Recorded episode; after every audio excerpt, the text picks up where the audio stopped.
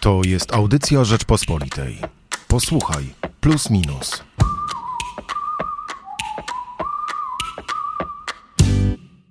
Michał Płociński. Michał Kolanko, dzień dobry. Zapraszamy. Porozmawiamy dzisiaj mm, o Twitterze, o mediach społecznościowych, o obecności polityków, dziennikarzy e, na owym e, Twitterze, a wszystko dlatego, że Michale napisałeś w najnowszym magazynie Plus Minus tekst pod tytułem Nieznośna lekkość bańki.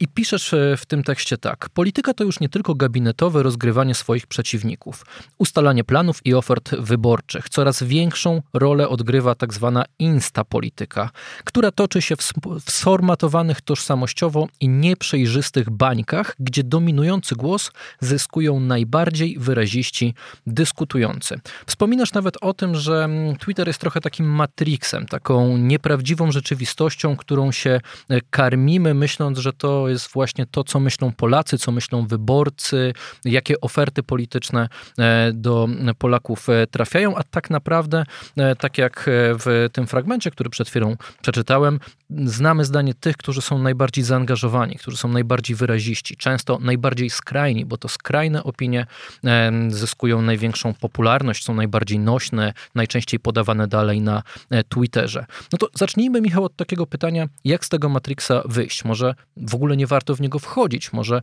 politycy powinni trzymać się z daleka od Twittera, że ten Twitter jest zbyt niebezpiecznym narzędziem. Jest taką obietnicą jakiejś rzeczywistości, która jest absolutnie nierealna, że zaczynamy myśleć tymi bańkami wielkomiejskimi, ludzi, którzy są najbardziej zaangażowani, czyli pewnie też mają największe kompetencje kulturowe, największą wiedzę, wiesz, najbardziej się tą polityką e, interesują. To co?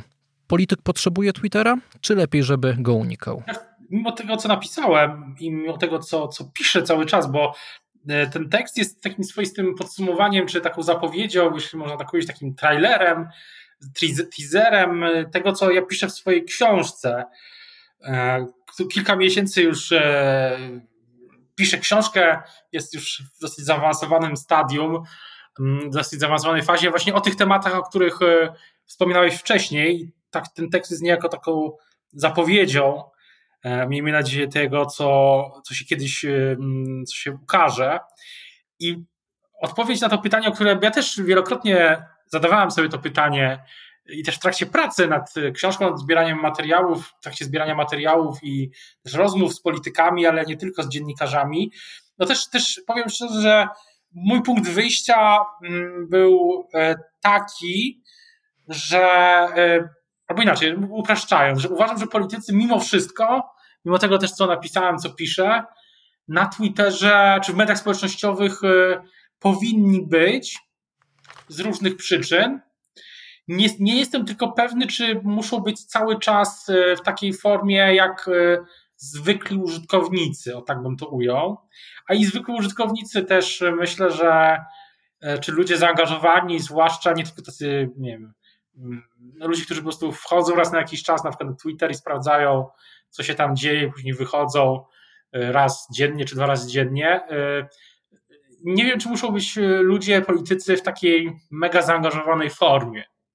Że, że jest jakaś granica, po której zaczyna to robić się niebezpieczne, o tym szerzej pokazując też przykłady, piszę w swojej w tej książce, E, I myślę że jednak, że mimo wszystko politycy, e, zwłaszcza ci, którzy chcą się przebić, bo Jarosław Kaczyński na przykład moim zdaniem nie musi być na Twitterze, ale ci, którzy się chcą przebić, e, młodzi politycy, młodsi, czy, czy ci, którzy chcą w ogóle być politykami, to, to co dziennikarze no, na Twitterze czy w mediach społecznościowych, ale zwłaszcza na Twitterze raczej być powinni.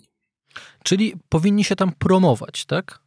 po, powinni się tam promować, powinni w niektórych debatach ważnych dla nich uczestniczyć. Bo tak jak tam skrótowo zaprezentowałem w, tej w, tym, w tym tekście, ja też jako wieloletni użytkownik Twittera, łatwo zauważyć, że przez te lata e, jego znaczenie i zasięgi się zmieniły. To znaczy, jak gdy ja zaczynałem być na Twitterze, to było w 2009 roku, ale dobrze pamiętam, w 2010, jakoś, jakoś między tym, na pewno przed katastrofą w Smoleńsku, czyli dla mnie to jest, y, pewnie to jest przełom 2009-2010 roku, nie sprawdzałem szczerze mówiąc, nie pamiętam za dobrze.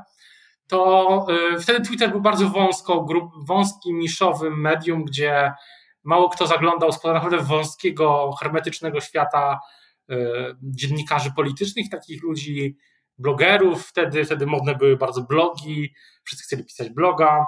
Była, powiedzmy, nawet takie blogosfera, były zloty blogerów. To mm, było wtedy na topie. Natomiast y, Twitter był takim, no, takim klubikiem dyskusyjnym, gdzie wszyscy się znali też albo poznawali się naprawdę. Z niektórymi ludźmi, których ja spotykam na Twitterze, to nie chciałbym się nigdy spotkać, chyba że na sali sądowej, bo i takich y, znam, mówiąc całkiem szczerze. To, to się na pewno zmieniło przez te lata, że teraz Twitter jest, y, no, bywa po prostu piekłem. No, ale bywa też bardzo ważnym narzędziem, rozumiem, do e, promocji nie tylko siebie, ale też jakichś swoich e, e, działań, idei, które są dla polityka ważne. Tylko jak oddzielić właśnie tą swoją aktywność, promowanie, taki marketing polityczny, komunikację polityczną od tego, o czym piszesz, co jest wielkim niebezpieczeństwem, czyli od wpadnięcia w Matrix, zaczęcia myśleć, że ta rzeczywistość twitterowa to jest prawdziwy obraz polskiego społeczeństwa. Bo, bo to jest tak, że albo też jest jeden polityk, który myślę łatwo w jego kampanii w ostatnich miesiącach, latach było w jego działalności, było, widać było, czym się kończy bycie nadmiernie na Twitterze, czyli oczywiście Donald Trump, który no, dużo dzięki niemu, dzięki Twitterowi się w zasadzie wypromował. E, I, i, I później zaczął funkcjonować, tak? On prowadził politykę wprost, nawet międzynarodową, nawet taką, która groziła, czy wywoływała w zasadzie no, poważne napięcia międzynarodowe. Na Twitterze, tak? I e, niektórzy się właśnie zastanawiali, co by było, gdyby ktoś schakował konto Trumpa i no nie mógłby rozpocząć wojnę wręcz wtedy. Natomiast e, i było widać, że Trump e, tak bardzo tą, tą swoją moc polityczną opiera na Twitterze, że gdy mu ją zabrano, to to już nie jest to samo, że jest zupełnie innym politykiem.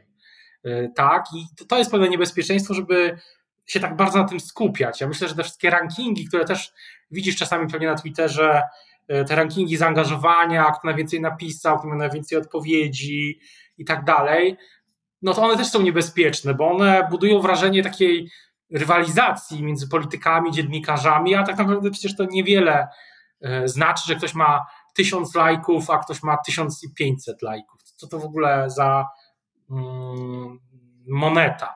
To jest moneta jakiegoś tam tego umownego świata, który właśnie i to jest to, że miałem wrażenie, że dla wielu osób, i dla dziennikarzy, i dla polityków, ale też dla tych wszystkich właśnie e, aktywistów, e, hejterów zwłaszcza, no, no, bycie w tych mediach społecznościowych to nie musi być Twitter, może być Instagram, chociaż oczywiście na innych zasadach, może być Facebook.